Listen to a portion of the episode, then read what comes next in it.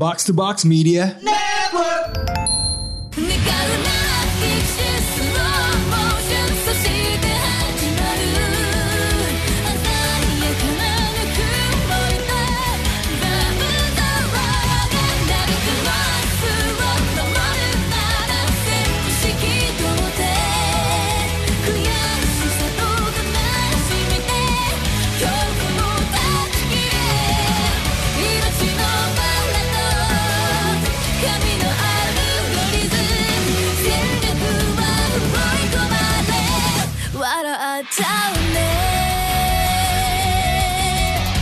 Ikuro, Ikuzo.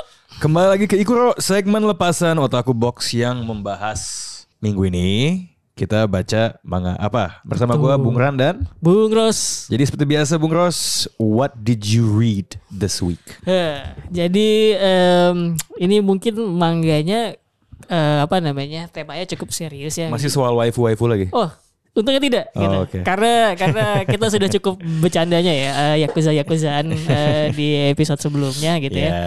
Kita agak-agak agak ngelipir sedikit gitu kan. Gua gua biasa eh, awal pekan ini mangga walking lagi gitu kan ke situs baca apa ya terus gua ngelihat ada satu mangga eh, thumbnailnya gue suka gitu jadi gambar kayak orang lagi berbaring di peti mati gitu Oke. lagi di peti mati gitu terus gue lihat judulnya oh, oke coba gua gua cek premisnya seperti apa dan menarik jadi mangga ini jadi udah udah berapa belum Eh, Death Sweeper Belum. Death Sweeper jadi eh, mangga ini bercerita sebe- eh, mengenai sebuah company sebuah perusahaan yang tugasnya adalah membersihkan sisa-sisa mayat Mhm. jadi dari situ kemudian kata Death Sweeper berasal.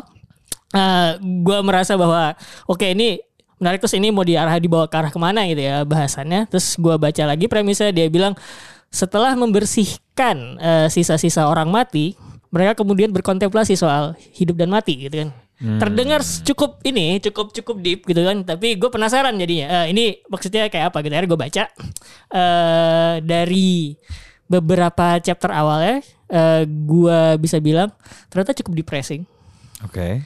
Karena di chapter-chapter awal itu menceritakan protagonisnya namanya eh, Okazaki. Eh, Okazaki ini mahasiswa, dia hidup eh, dalam tanda kutip skenanya gitu ya dengan pace-nya sendiri, asiknya sendiri gitu ya sampai pacarnya juga di- juga nggak dipeduliin. Eh suatu hari dia eh, bercerita soal ini abang gua nih udah jadi hikikomori gitu. Jadi Iya. di apartemennya eh, tinggal sendirian, nggak mau keluar segala macam dan kelihatan depres. Eh, tapi nggak jelas kenapa abangnya ini depres gitu kan. Eh, jadi dia datang nganterin uang bulanan dari ibunya, eh lu keluar dong, jangan kayak gini terus gitu kan.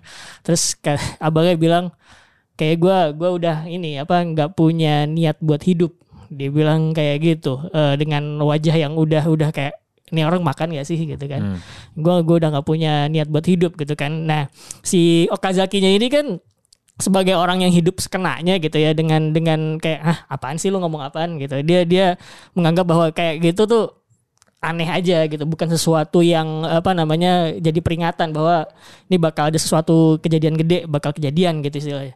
Dia ignore itu habis ngasih duit pergi dan lost contact sama abangnya selama satu bulan. Sampai kemudian dia putus sama ceweknya terus ceweknya bilang lo tuh cuman peduli sama diri lo sendiri gitu kan. Lo nggak pernah ngelihat sekeliling lo ada kehidupan apa gitu orang lain kabarnya kayak apa gitu. Jangan-jangan lo nggak pernah mikirin temen lo sendiri atau keluarga lo dibilang kayak gitu kan Wah, abis dikatain gitu sama ceweknya dia keinget abangnya dong. Balik ke apartemennya ada bau menyengat dan pas dibuka abangnya udah mati dalam keadaan kelaparan. Jadi dia nggak makan Eh, makanan terakhir yang tersisa di situ tulisannya itu sekitar eh, tiga atau empat pekan lalu. Eh, makanan dari apa namanya dari eh, konbini. Terus di situ dia kenalan sama jadi kan abangnya tinggal di apartemen Ya. Terus si pemilik apartemen ini kayak manggil si Dead Sweeper itu, company-nya itu untuk ngebersihin nih baunya udah kayak apaan tahu gitu kan. Jadi tolong ini dibersihkan gitu ya. Eh sisa apa pun yang terjadi di dalam sana dan kelihatan tuh semuanya eh, udah tinggal apa namanya udah tinggal tulang belulang. Terus Udah kemudian sampai tulang. Eh tulang Iya si udah tulang, abangnya. udah tulang, udah tulang- tinggal tulang. Jadi jadi bahkan belatung-belatungnya tuh udah Ada sisa-sisa belatungnya maggots Oh. ada. Jadi itu Tapi- udah sebulan itu. belatungnya udah hampir kelar all you can eat ya. kelar. Nah itu kemudian di situ kemudian kayak kayak kayak kayak dia kayak dikasih lihat bahwa oh ini yang gua lakuin nih apa di company ini eh, dia bilang bahwa ini eh, kayak lo mesti ganti floorboard soalnya ini decompose fluid sama sisa-sisa apa namanya eh, daging yang nempel di ini lu bersihin kayak apa pun kagak bakal bisa hilang. Jadi ini floorboard mesti diganti dan ini estimasi biayanya termasuk biaya jasa kami. Udah gitu kan. Eh di situ si Okazaki shock. Eh, pertama karena abangnya meninggal dan dia nggak tahu harus ngomong apa ke ibunya. Bangsat lo udah mati pun jadi beban. Nah, jadi gitu beban kan. gitu ya. yang kedua dia kemudian eh, tahu ada ada orang-orang yang kerja kayak begini gitu. Dari situ dia kemudian kenalan sama si apa namanya eh, karakter satunya lagi. Si karyawan dari company-nya ini namanya Miwa. Eh si Miwa ini ngejelasin bahwa ini nih yang kejadian kalau orang mati gitu lu mati lu beres gitu. Urusan lu di dunia kelar gitu. Iya. tapi sisanya konsekuensinya tuh ke orang-orang yang masih hidup. Dia bilang gitu. Terutama lo lihat nih apa yang yang kayak yang punya apartemen nih. Ini gimana caranya dia ngejual tempat barusan lagi gitu buat ditempatin orang lain. Terus kemudian tadi dengar cerita bahwa ada beberapa eh, orang cabut gara-gara udah nggak tahan sama baunya dan kabarnya ada orang mati di situ. Nah itu diajarin kayak gitu si Okazaki-nya ini kemudian dipres eh jadi cara dia ngelihat outlooknya dunia tuh berubah gara-garanya eh, one day gitu ya dia lagi jalan terus lihat orang-orang kok seneng-seneng banget ya. Dia nggak tahu ya ada apa apa ada orang kayak abang gua yang dipres terus mati sendirian terus ada Iya. gua yang kena gitu kan mikirin ini apa namanya eh, abang gua eh, kenapa bisa dipres segala macam gitu dia mikir jembatan dan at that point dia hampir pengen lompat Hmm. ke ke bawah gitu. Dan dari situ kemudian setelah mikir bahwa kata-kata terakhir abangnya adalah eh tolong lo aja yang hidup kayak gitu, Mhm. dia batal lompat. Dan dia datang ke company itu minta eh, pekerjaan part time dengan tujuan supaya gue pengen tahu apa yang ada di psychological orang-orang Mhm. ketika mereka menghadapi kesendirian dan akhirnya memutuskan untuk ya udah gue mati aja Oke. gitu. It, that's the big premise seperti itu. Dan kemudian gue kan ini kalau nggak salah chapter ada 38. Eh gue baca itu baru sampai sekitar chapter 18. Mhm. Makin ke sini tuh eh, ada ada banyak beberapa kasus gitu ya yang ditemuin eh, orang mati sendirian. Yang ke- yang kasus kedua itu menurut gue cukup bikin mual Mhm. Karena eh, yang meninggal adalah nenek-nenek umur 70 tahun eh, tinggal sendirian dan dia meninggal di bathtub kamar mandinya.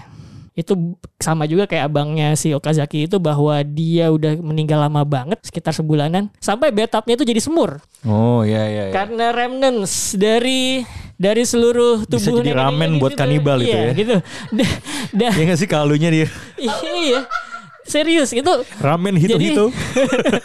kalau pada akhirnya anda, anda sekalian yang mendengar episode ini memutuskan ah gue penasaran pengen pengen baca Iya, gitu iya, ya lo iya. lo harus siap untuk eh, ini gambarnya cukup bagus Iya. jadi pemandangan Saya kamar bisa mandinya itu grafik air liur Sumanto nih kena kena halaman komiknya loh. gitu kayak kayak wow semur gitu Ya wow. Delicious. Apa namanya? Eh eh eh, eh, oishi. dia- dan itu beneran jadi jadi si Miwanya tuh kasih tahu lo jalan di kamar mandi ini hati-hati karena ini Ya. remnant semua Ya. dan ada satu bagian tubuh manusia yang kalau keinjek tuh licin lemak Waduh. Lo bayangin lo ke sekali lo ke Gyukaku deskripsinya. atau Kintan atau sebenarnya Hanamasa sih. Kan kayak ada lemak-lemak yang ditaruh di panggangannya. Nah, Eh, itu eh. tapi lemak manusia. Uh. Nah ini jadi si si mangaka ini cukup cukup punya selera humor yang cukup gelap gitu ya. Jadi setelah eh, kan diajarin tuh ya ini kalau misalkan eh, kasusnya gini nih kita nggak bisa kita clock. Yeah. Karena kalau kita buka sumbatnya itu daging semua masuk ke dalam apa namanya eh, apa Yeah, yeah, eh, yeah. saluran gitu kan. Ya udah ini kita lu mau nggak mau nih gua ajarin. Tau gak lu dikasih saringan Ah. buat nyendok satu-satu dari dalam bathtub. Ah. Muntah deh, muntah. Ini tuh eh if you may know Hmm. Mangakanya apakah satu alma mater dengan Bung Rin di kriminologi soalnya kayaknya risetnya riset tuh lumayan bagus kayaknya. Forensik ya. Hmm, ya, gimana gimana gimana? Gue gua belum ngecek apa namanya eh, latar belakang eh, manggakanya kayak apa gitu ya. Gue cuma Hmm. tahu namanya eh, Show Kitagawa. Oke oke Show oke. Kitagawa nama mangaka ya. Gue belum belum tahu eh, belum ngecek lagi latar belakang gimana dan jadi setelah kejadian dia nyendokin eh, bathtub yang kayak semur itu, Mhm. ayo kita makan. Makan apa? Barbecue.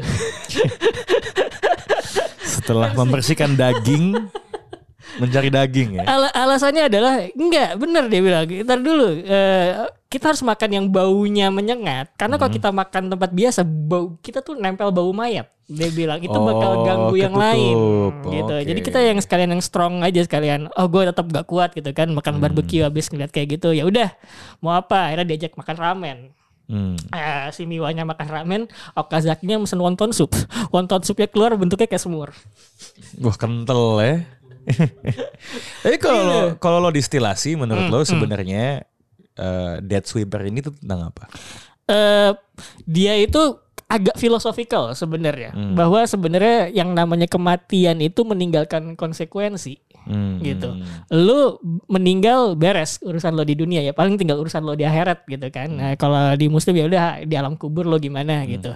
Eh, sementara efek kematian itu biasanya berasa di orang-orang yang ditinggalkan. Intinya sebenarnya itu. Nah, efek yang ditinggalkan ini apa ya macam-macam gitu. Kayak tadi yang punya apartemen, gue mesti mikir ini gimana caranya gue ngejual apartemen ini gitu kan.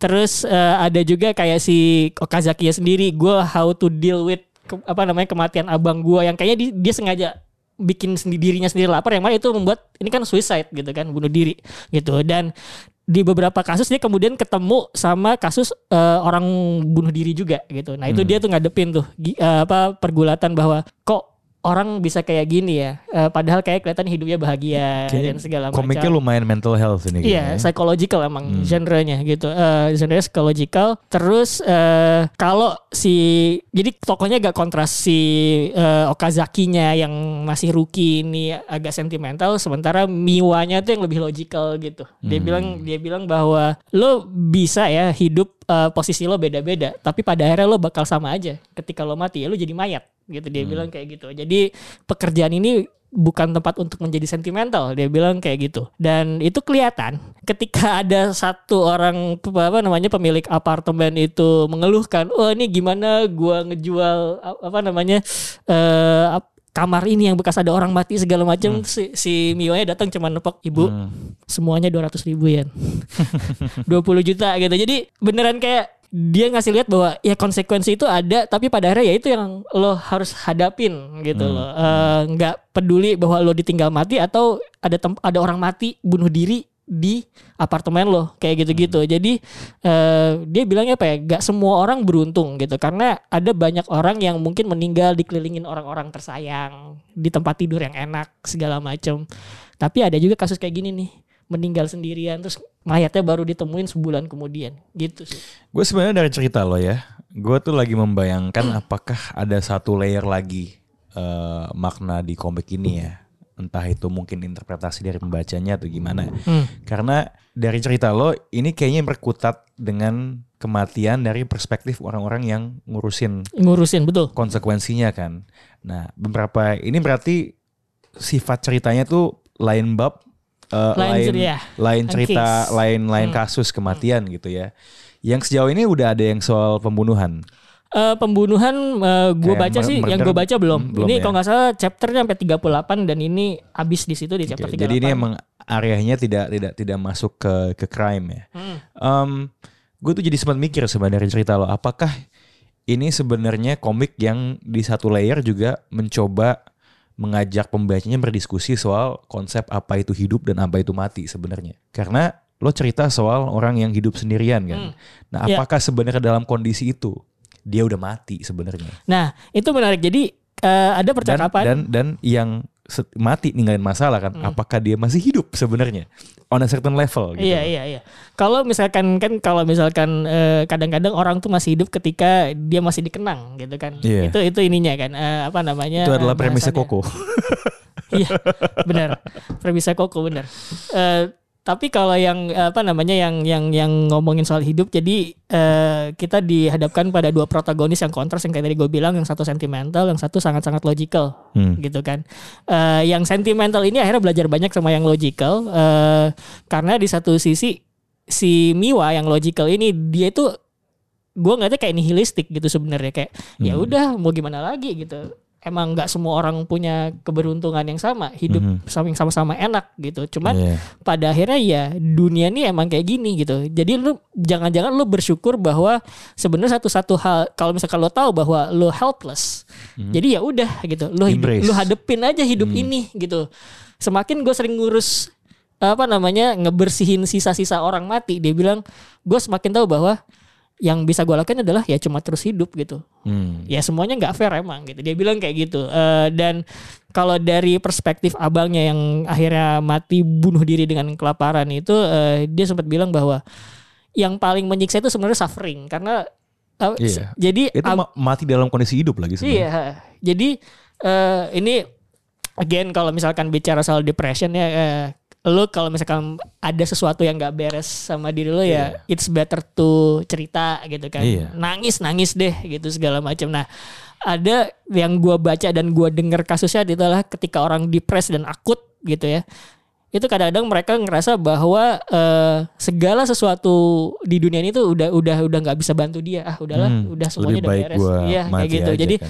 eh, dikasih tahu kayak apa pun, lu bisa kok gini, enggak kok, gue udah gini Hmm. aja udah nggak mungkin. Nah itu yang kemudian tergambar sama abangnya gitu. Jadi abangnya ini ternyata jenius gitu. Jadi dia masuk ke Universitas Top, eh murid pintar juga segala macam. Hmm. Terus dia bilang ke si Okazakinya ini, ya segala intelijensia itu nggak ada gunanya kalau lo suffer gitu. Kalau lo ngerasa tersiksa gitu. Jadi kalau kayak gini, kayaknya gue udah nggak bakal hidup lama lagi. Dia bilang kayak gitu dan nggak lama kemudian dia meninggal gitu. Jadi itu sebenarnya sih yang kalau misalkan eh, perspektif hidup ya. Pandangan lo soal hidup sebagai individual habis baca komik itu jadi gimana? Ada ada pergeseran ini sedikit nggak? Gue Is gue it bleak? Is it hopeful? Iya iya. Sebenarnya awalnya sangat-sangat bleak gitu ya. Cuman eh sangat-sangat bleak. Cuman lu kadang-kadang gini loh. eh gue tuh selalu berpendapat bahwa eh ketika lu menerima berbagai macam kesusahan gitu ya dalam hidup. eh itu sebenarnya bukan gimana caranya lu lari gitu buat Oke. buat apa namanya eh buat keluar dari ini semua. Tapi lu ya mau nggak mau adalah lu ngadepin gitu. Semakin lu babak belur jadi oh, gue ngerasa bahwa kadang-kadang orang tuh bukan semakin kuat tapi semakin terbiasa sebenarnya gitu. Ibaratnya adalah ketika lu banyak ditonjokin sama hidup gitu ya. Eh sebenarnya lu bukan tambah kuat tapi lu ah ya udahlah nambah satu luka lagi di badan gue nggak apa-apa Hmm. gitu. Nah itu sebenarnya yang pengen diajak yang pengen dituturkan oleh si Miwa itu eh, rekan kerjanya si Okazaki bahwa ya hidup tuh emang kayak gitu emang nggak semuanya enak nah yang nggak enak ini gimana caranya ya udah lu mau nggak mau ya lu harus face it gitu nggak ada jalan lain gitu Oke. Ini sebelum gue shifting ke komik yang gue baca ya. Gue punya satu pertanyaan yang di Hmm. luar apa yang kita baca tapi berhubung tetap berhubungan sama bacaan. Dan Rossi mungkin tahu jawabannya. Em, kalau dalam romaji, cara menulis dan me- melafalkan QRIS tuh gimana ya? sebenarnya kalau Iya, kuris, kurisu atau kurisu? Jadi, gimana nih? Interesting katakana itu ditulis berdasarkan pelafalan. Jadi kalau misalkan kita dengar eh, Jadi pelafalan Nancy Judge atau pelafalan siapa atau atau ba- at- atau BI ini? Nah iya iya iya. itu dia. Jadi rame kan sama messages ya di, di di Twitter gitu. Jadi kalau kalau misalkan lu kan kalau bahasa Jepang eh, yang yang asing gitu serapan itu kan pakai katakana. Iya. gitu dan semuanya itu berdasarkan apa pelafalan gitu misalkan air conditioner dia kan mereka dengarnya eakong gitu kan jadi, Eh. jadi katakannya itu eakong gitu loh tulisannya gitu jadi tergantung apakah orang Jepang sana dengernya itu Chris atau Curis kalau misalkan Chris dia mungkin ada, ada bakal misalnya Kurisu gitu kalau misalkan dengernya Curis baik Curisu Lo kesel nggak kalau seandainya di lo ikut les Jepang kan? hmm, hmm. Uh, nama tingkatannya apa? gua udah intermediate 2 Uh, yang, yang paling tinggi itu apa? N1, N1 ya, ya, N1. itu native itu. Sebel nggak kalau misalnya buat JLPT itu. buat pertanyaan N1 tuh ada soal itu. Kesel anjir. Tapi enggak, tapi itu kemungkinan kemungkinan pertanyaan kayak gitu cara menulis itu kayaknya N5 N4 sih, masih masih masih basic. Kalau kalau N1 tuh udah udah native kayak Jerome Pauline tuh, N1. Oke, so coba tebak apa yang gue baca. Serius apa tidak? Gimana ya ngomongnya? Kayaknya nggak terlalu serius ya. Hmm, hmm. Tapi nggak santai full juga ya. Seperti biasa, ketika waktu terbatas dan ada komitmen untuk ngomongin sebuah manga, paling enak kan cari yang genre-nya slice of life ya. Hmm. ya kan? Yang ceritanya tuh ada alurnya tapi nggak terlalu yang kayak oh gue mesti baca dari chapter 1 sampai 20 Iya, ya. iya, iya, iya, iya. gue baca sebuah komik yang namanya Shimasan. Uh, oke. Eh, itu pengarangnya namanya Kawano Yobundo. Oke. Nah, ini sebenarnya ada kemiripan dengan beberapa komik yang sempat kita bahas ya. Baik di Otaku Box maupun di Kuro. Hmm. Sakamoto Days kan? Iya, iya. iya. tentang assassin yang bekerja di Konbini Hmm, hmm, dengan segala keluar biasaannya. hmm. Ternyata dia sangat badass apalagi ketika eh, menyangkut melindungi keluarga dan karyawannya Hmm, Sakamoto. hmm. Kemudian juga rasanya way of the house husband juga lumayan dibahas ya. Hmm, hmm. Mantan yakuza yang jadi suami rumah tangga yang melakukan hal-hal rumah tangga dengan cara luar biasa. Hmm. Nah, coba pertanyaannya adalah sebenarnya kalau emang ada ex yakuza yang kerja di konbini, secara real Hmm, sebenarnya bakal kayak apa sih? hmm, hmm. Apakah bakal segrande itu? Ya mungkin enggak, namanya juga komik. Nah, Shimasan adalah komik tentang what if, what if it really happened? Hmm, Sebenarnya bakal kayak apa? hmm. Dan yang menarik ini sebenarnya gue udah agak spoiler dikit ya, karena tokoh utamanya kakek-kakek yang namanya Shima ini Hmm. baru di reveal sebagai yakuza di akhir chapter pertama. Hmm.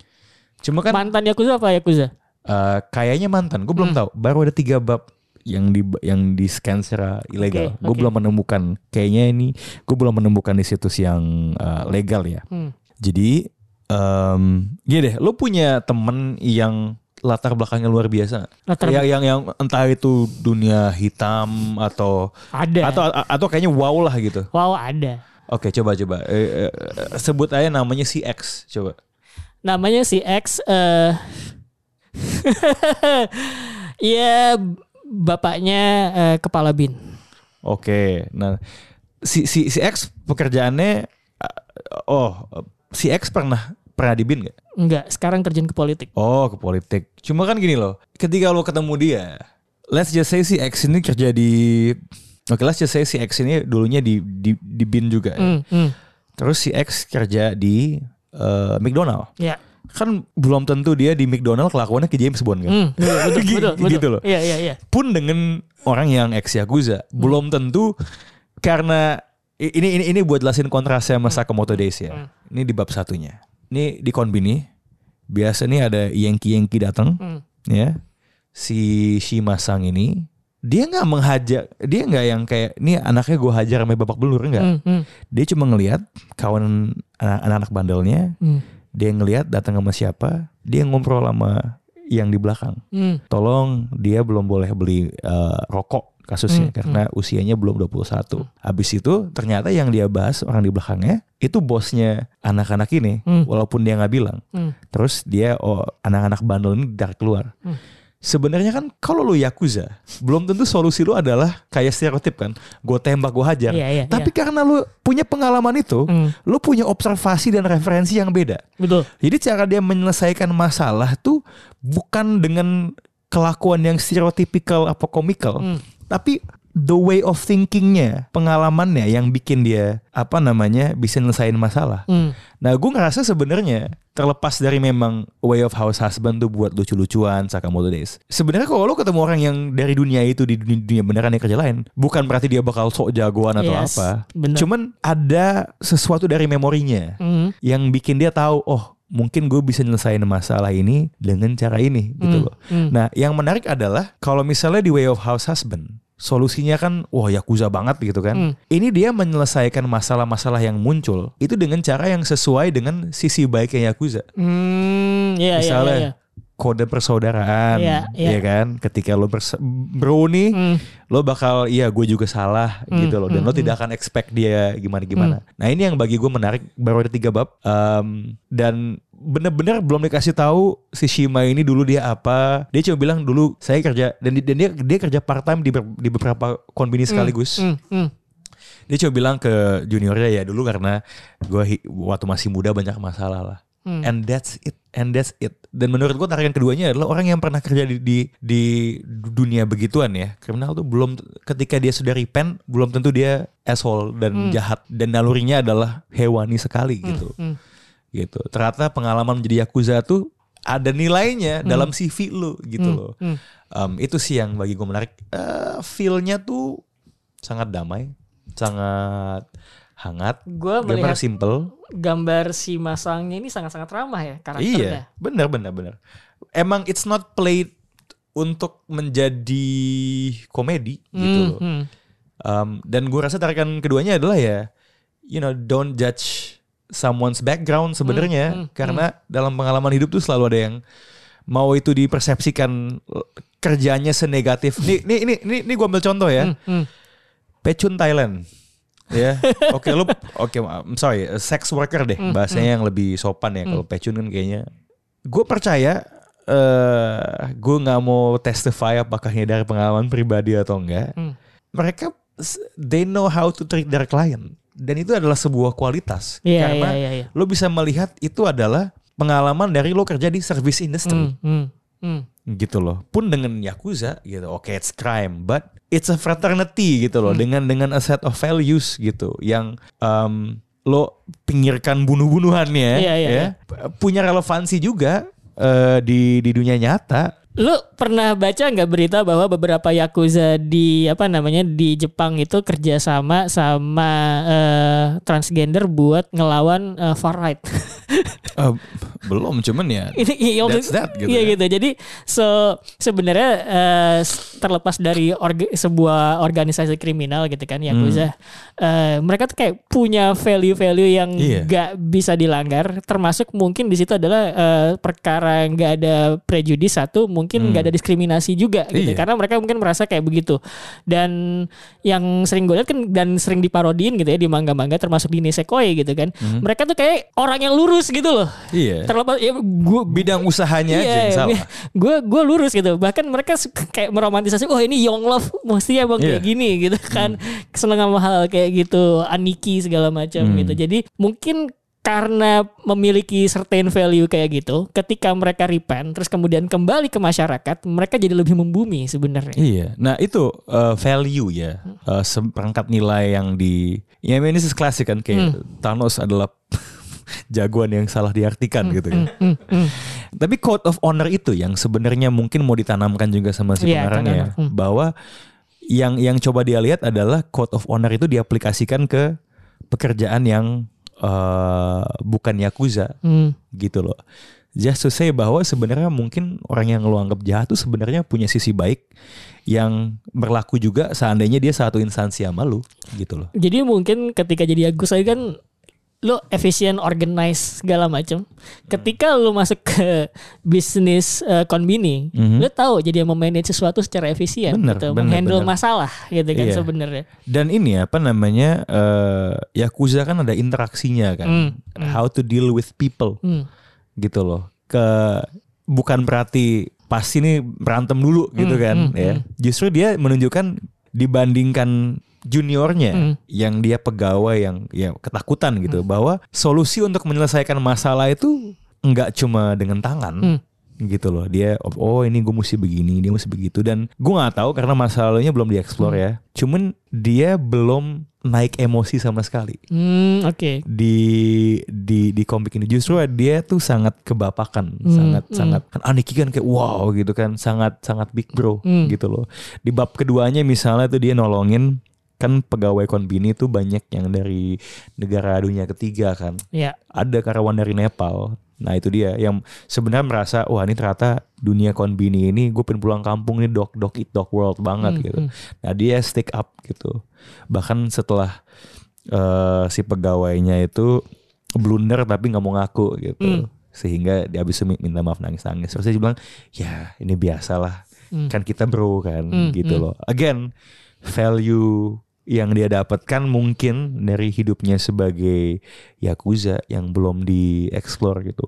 Bagaimana dia kayaknya gini ya, eh, dia selalu ingin di setiap babnya sejauh ini gimana seorang yakuza repent ini yang udah gak jadi yakuza melihat masalah-masalah normal yang dihadapi manusia gitu. Kayak di bab ketiganya shoplifting ada hubungannya sama eh, orang tua ngurusin anak, itu juga dia yang dia yang justru uh, baik sama anaknya dan baik sama bapaknya. So ke depannya sih kayaknya akan akan gitu ya vignette-vignette soal your daily life, ya, uh, masalah-masalah orang diselesaikan dengan cara yakuza yang dengan dengan kode honor Iya. uh, dari yakuza sih. Gue jadi kepo gitu. Ke depannya bakal ada masalah-masalah lain. Tapi kayaknya juga setting konbini itu sangat ini ya di- dipakai sebagai pertanda no- normalitas ya Iya iya, sesuatu yang mundane sebenarnya. gitu mungkin juga ini bukan komik sih kalau ada yang pernah baca eh, komik eh buku, Buku. convenience store woman kan iya, itu juga iya. dipakai sebagai apa ya tempat untuk menggambarkan sistem di Hmm. Jepang gitu kan bagaimana itu bisa mengalienasi orang dan bagaimana orang yang terjebak di dalam sistemnya me- me- melihat apa Betul. eh, inner workings Karakter of juga ya. dunia di di luar gitu ya apakah kita hidup hanya untuk convenience atau tidak gitu. So anyway mungkin itu untuk ngebahas itu butuh satu segmen otakku box yang lain. Cie. Hmm. Terus nanti baca soal Murakami. Gue tuh Nah, tadi, kalau pingin ya, lo pingin ya. Gue gue tadi, gua tadi tuh pas lagi ngebaca Death Sweeper itu, Eh? itu emang gue keingetnya sama Norwegian Wood, gitu kan? Oh. Norwegian Norwegian Woodnya Murakami itu kan salah satu temanya adalah gimana lo menghandle apa namanya kehilangan, Iya. menghandle kehilangan itu seperti apa gitu. Dan tadi juga convenience, convenience store woman itu kan sebenarnya convenience store itu dijadikan sebuah setting di mana segala sesuatu itu terasa mundane gitu kan. Iya. terasa ya udah biasa banget membosankan segala macam. Itu kan tergambar di karakternya kayak gitu. Sama Nah, terus? kayak tadi gue bilang hardship ketika lo semakin sering ngedapat hardship kayaknya gue jadi terbiasa sama segala sesuatu dalam hidup. Dan mungkin itu juga yang dirasakan oleh Shimasan Mhm. setelah lama jadi yakuza terus kemudian jadi pegawai pegawai konbini gitu Iya. Justru dia embrace the kalau di komik uh, Shima mungkin dia embrace the uh, mundanity ya. Hmm. bisa berdamai dengan Yes. itu. Sedangkan kalau dalam situasi beberapa korban di komik Death Sweeper justru mundanity itu adalah momen di mana mereka mati.